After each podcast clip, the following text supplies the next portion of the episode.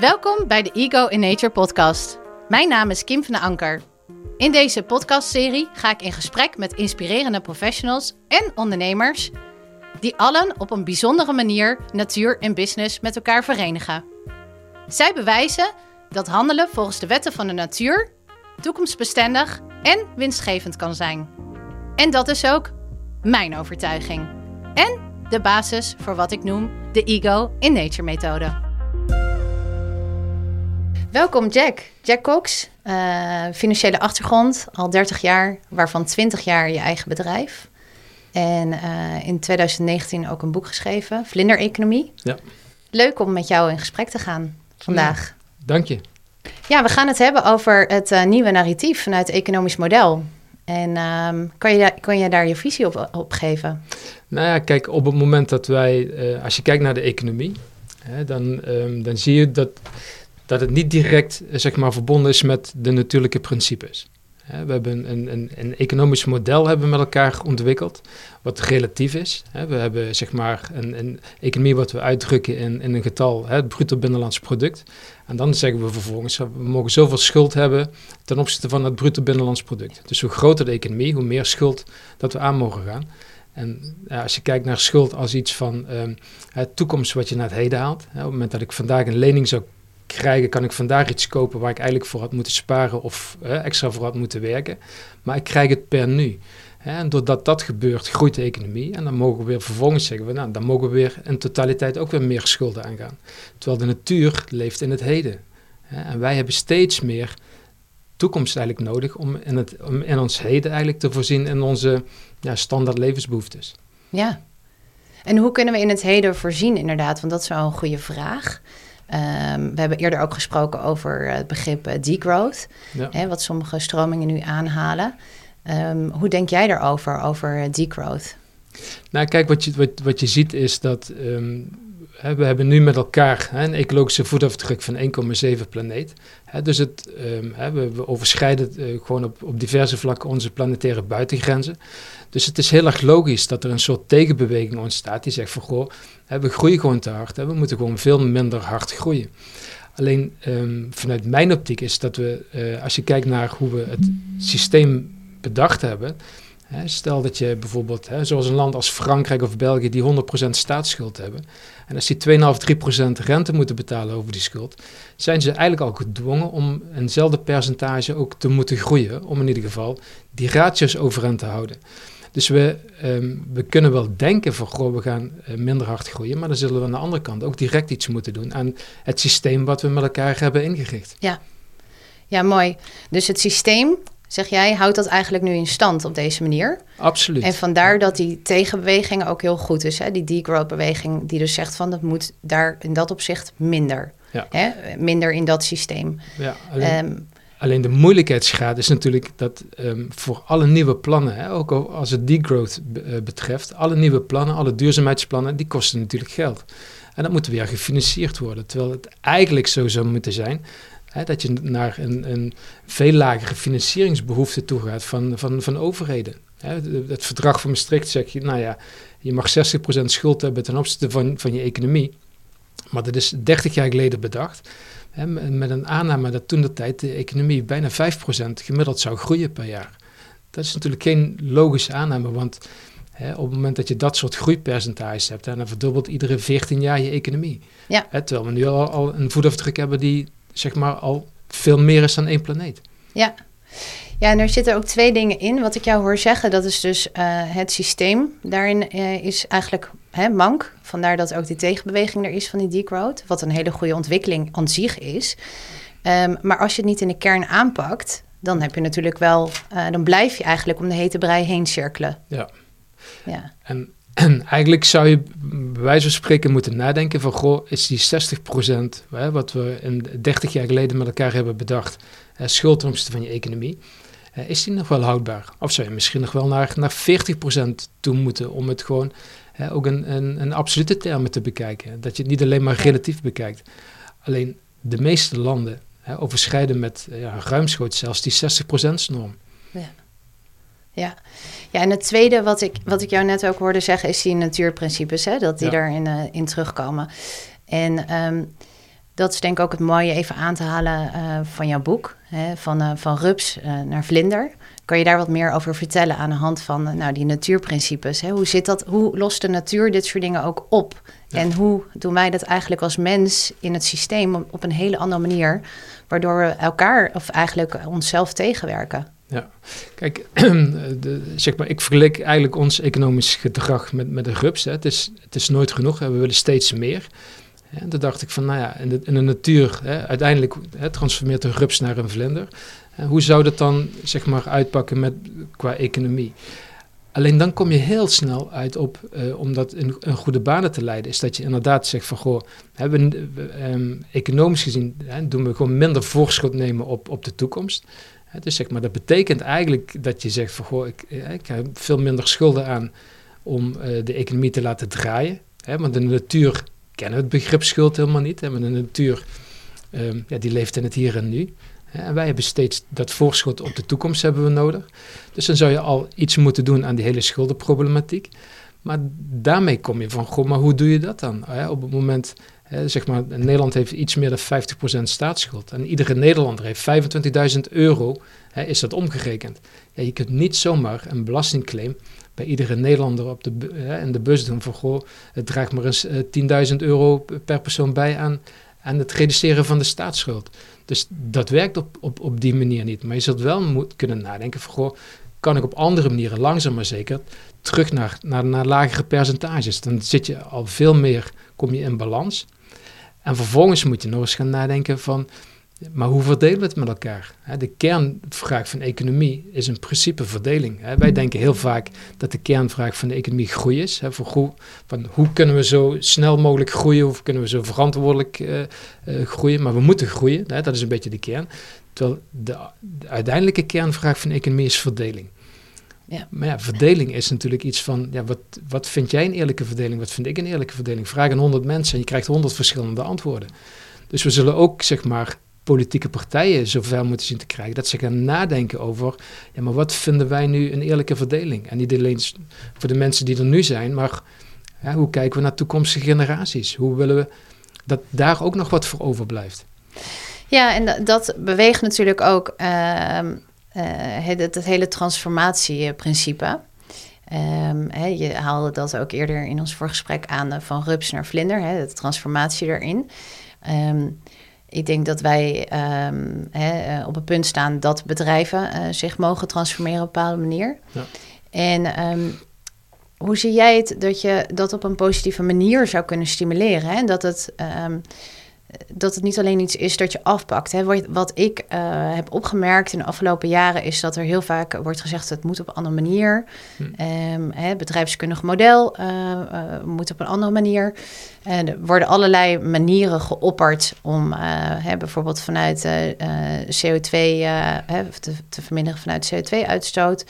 Er komen ook nieuwe wet en regelgevingen aan die daar uh, ja, die vanaf dit jaar al ingaan, vanaf uh, 2023, voor grotere bedrijven die daarop moeten rapporteren. Ja. Maar de vraag is eigenlijk: is dat, raakt het dan de kern van het bedrijf? Hè? Is dat iets wat um, vanuit de essentie, vanuit het product of de dienstverlening die dat bedrijf heeft, hm. zal het dat raken? En ik denk uh, dat dat ook een heel mooi principe is als we weer terugkijken naar die transformatie in de natuur. Ja. Um, ja, hoe, hoe, hoe denk jij daarover? En uh, ook aanhalen het regeneratieve model uh, vanuit de natuur. Want als we dan toch die vergelijking mogen trekken, ja.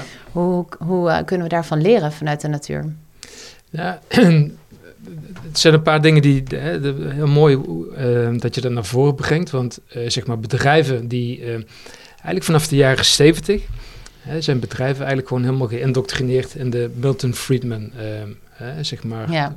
wijze waarop je naar, met je bedrijf zou moeten omgaan. Hè. De, de, daar werd hè, in de School van Chicago werd heel nadrukkelijk gezegd van goh, managers van bedrijven die hebben maar één taak. Dat is zeg maar um, de aandeelhouder maximaal te faciliteren. Ja. Hè, dus op het moment dat jij, dat er iemand bereid is om geld in jouw bedrijf te steken en die daar geen controle op heeft, dan ben jij degene die ervoor zorgt dat hij daar een maximaal um, ja, maximale winst uithaalt. Ja, en dit hele begrip winstmaximalisatie, dat is natuurlijk ook iets wat gewoon uh, volledig uh, in alle uh, economische stromingen naar voren kwam. Ik herken dat nog wel uit mijn, mijn, mijn studie met bedrijfskunde. Ja. Het, het, het was efficiënter, kortere lijnen, outsourcen. Ja. Alles om die winstmaximalisatie te optimaliseren. Ja. Um, dus ja, dat, dat, is een herkenbaar uh, thema wat jij zegt. En wat gebeurde er dus? Dan, dan, dan zat er, sloopt er eigenlijk iets in het, in het denken bij bedrijven van, goh, um, dan moet ik eigenlijk zoveel mogelijk kosten die ik zeg maar kan afwendelen, daar moet ik gewoon gebruik van maken. Dus kosten afwendelen op de maatschappij, en die niet voor eigen rekening nemen. Want op het moment dat je die voor eigen rekening neemt, gaat het ten koste van de maximale winst. En, en, en dat is wat, wat er gebeurde. En Friedman werd er wel eens mee geconfronteerd. En toen zei hij van ja, maar um, op het moment dat een bedrijf maximale winst maakt, kunnen ze die dividenden wat ze uitkeren aan de aandeelhouders, dan kunnen die beleggers of aandeelhouders gewoon weer besluiten om die gelden weer terug te laten vloeien in de maatschappij. dus met andere woorden, van, um, het, het, kost, zeg maar, het, het, kost eigenlijk helemaal niks. Maar waar die helemaal aan voorbij ging, was het feit dat de milieuschade die je zeg maar, eh, achteraf moet repareren, is vele malen duurder hè, dan het zou hebben gekost als je dat kunnen weten, weten te voorkomen. Ja. dus voorkomen is beter dan genezen, geldt in deze ook absoluut. Ja, ja, dat is die compensatie waar we het uh, over hadden. Hè? Dus weer terug naar die transformatie. Wat je dus nu ziet, is uh, hè, dat er drie stromingen eigenlijk uh, zijn. even heel gechargeerd. Um, bedrijven die kop in het zand steken van, nou, het zal wel. Hè? Eerst maar kijken hoe de buurman zich transformeert naar een duurzame economie. Ja. de tweede is, nou, dat zijn bedrijven die wel wat doen, maar die compenseren dan in de marge. Hè? Dus die gaan, wij spreken vanuit een MVO-afdeling, vanuit sustainability-afdeling gaan zij compenseren. Dus dan zeggen ze, nou, hè, we gaan aan de ene kant door met produceren, maar we gaan kijken of we een goed doel daaraan kunnen koppelen of dat we eh, via de marketing bepaalde uh, zaken kunnen toevoegen. Um, uh, hè? En uh, het derde is, nou, de bedrijven die het gewoon werkelijk waar niet weten welke stap ze moeten zetten. Hmm. En ik denk uh, dat het ook mooi is wat je nu aanhaalt, hè? die compensatie. En dus echt, ja, vanuit, niet vanuit de kern van het bedrijf. Um, en ik denk dat dat de ware transformatie is voor ons als persoon, voor ons als, uh, hè, als onderneming. En dat dat zo'n gigantische shift gaan geven. Hm. Um, omdat dat misschien wel een stuk is wat je moet loslaten. Je breekt af hè, ja. en je gaat weer en je kan weer opbouwen. En dat zie ik ook heel mooi uh, als metafoor vanuit jouw boek. Hè, de, uh, vanuit die rups naar, naar vlinder. Um, en ik denk dat dat ook mooi is voor bedrijven. Dat we dat bedrijven juist kunnen meegeven van um, hey, op die manier te transformeren. Ja. En op die manier stappen te gaan zetten vanuit de kern van je bedrijf. Ja, en, en, en op, op zich is het natuurlijk ook wel heel mooi dat je, hè, dat, dat je het, de vergelijking tussen groei en ontwikkeling. Hè, wij hebben altijd in, in ons, uh, zeg maar, ja, economisch denken. Hè, dan willen we eigenlijk gewoon van hè, dat, uh, zeg maar, andere, bijvoorbeeld ontwikkelingshulp. Hè, dat, dat is eigenlijk ook gebaseerd hè, op zeg maar een, een groeimodel. Want we willen eigenlijk mensen waarvan wij vinden hè, dat, dat ze de hulp nodig hebben, die willen we naar, ja, naar de, zeg maar de normen, de maatstaven van onze westerse wereld proberen we die mee te nemen eigenlijk. Hè. Een soort um, dat ze economisch kunnen groeien. Terwijl ontwikkelen hè, is eigenlijk gewoon inderdaad het afdoen van wikken als ze terugkomen naar de kern. En het, het, het mooie is dat we nu dat soort um, zeg maar, ideeën, hè, mensen die, zeg maar, inheemse volkeren, indigenous people, die hebben we gewoon nu nodig om de balans te herstellen. Hè, omdat uh, zij kennis hebben die wat, wij, uh, wat bij ons verloren is. En um, in 2030 heeft de VN eh, afgelopen jaar bepaald, moet 30% van het aardeoppervlak moet beschermd natuurgebied zijn. Hè, op dit moment is um, ehm, 17% van de aarde en 10% van het water is beschermd gebied. Dus dat betekent een enorme stap om, om te kunnen realiseren. En daarvoor hebben we juist de kennis nodig hè, van um, inheemse volkeren die zeg maar dingen weten die wat wij al lang vergeten zijn. Ja. Hè, dus we krijgen eigenlijk ontwikkelingshulp. Hè, krijgen we van, van, van hun. Ja, ja. ja we moeten het eigenlijk omdraaien. Ja, een, stukje, of een stukje omdenken. Ja, ja absoluut. Ja. Ja. en voordat we te filosofisch, uh, uh, hè, voordat mensen ons te filosofisch vinden, er zijn ook mooie praktijkvoorbeelden. Hè? Uh, Jij haalde er eentje aan. Uh, ik had zelf ook een, uh, een praktijkvoorbeeld wat ik wel vaker aanhaal. Dat is Digital, dat is een event festival. Um, zij hebben in eerste instantie gezegd van hè, we willen een circulair festival worden. En toen uiteindelijk hebben ze gezegd we willen het nog, we willen het nog een, een, een, een stap eh, mooier maken. Dus we willen niet alleen circulair zijn, maar we willen ook een bijdrage leveren. Dus als wij ons festival hebben gegeven, dan willen wij eh, iets, iets achterlaten, de wereld een stukje mooier uh, hè, maken dan. dan dat het was voorheen. Dus er zijn absoluut bedrijven die dat al op een bepaalde manier doen. jij kwam ook met een heel mooi voorbeeld, Fate in Nature. Ja. Ehm, kan je daar wat over vertellen? Ja, dat is een, een, een Brits bedrijf, uh, gevestigd in Manchester. En uh, ze maken verzorgingsproducten. Uh, en op enig moment dachten ze dat, van, goh, we willen, zeg maar, datgene wat we doen, willen we de, eigenlijk de aarde meer in, in, in betrekken. En ze, um, ze wilden een hele corporate structuur wilden ze omgooien. En uiteindelijk, um, wat ze hebben gedaan, is dat ze één zetel in de raad van bestuur hebben ze ter beschikking gesteld voor onze planeet. Nou, en hoe vullen ze dat concreet in? Ze hebben bij iedere bestuursvergadering waar eh, de directie van het bedrijf bij elkaar komt, komt iedere keer een andere wetenschapper die eigenlijk de stem van de planeet vertegenwoordigt. Dus bij alle besluitvorming wat ze doen, hè, stemt de planeet als het ware mee. Hè, waardoor um, ze, uh, ze heel concreet zeggen dat ze gewoon tot andere besluiten komen. En ja, ik vind dat gewoon een hele mooie manier om uh, zeg maar langzaam maar zeker naar, naar die balans toe te gaan. Ja, en dat raakt dus ook echt de kern van dat bedrijf. Ja. Ja, dus het is niet dat je een, uh, hè, iets aan toevoegt wat compenseert. Maar dat is echt vanuit de kern van, van het bedrijf. Dat zij op die manier, op een andere manier gaan denken en, ja. en, en produceren wellicht van hun producten. Ja, ja. Ja, dat, en, en dat zijn gewoon hele mooie voorbeelden. En, en hè, ze hebben daar zelf hebben ze ook een, een, kleine video van opgenomen. En ze hopen eigenlijk ook dat, dat, uh, dat gewoon navolging uh, daarop komt, hè, op, hun idee. Dat er steeds meer bedrijven ook hiervoor kiezen.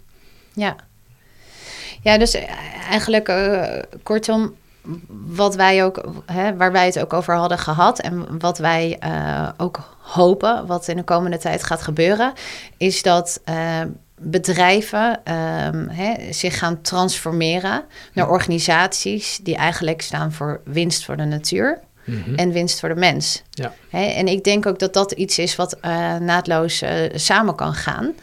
Um, zolang we maar niet blijven uh, hangen in, het, in, in, in, iets wat afleidt, dus de, de compensatie. Um, en dan wel alleen het stuk verminderen. Maar dat we echt kijken van hoe kunnen we nou als bedrijf en als dienst uh, ja, die, die, die transformatie vanuit de kern van het bedrijf doen. ik denk dat dat het belangrijkste is en wat jij ook uh, laat zien in, jou, in jouw boek.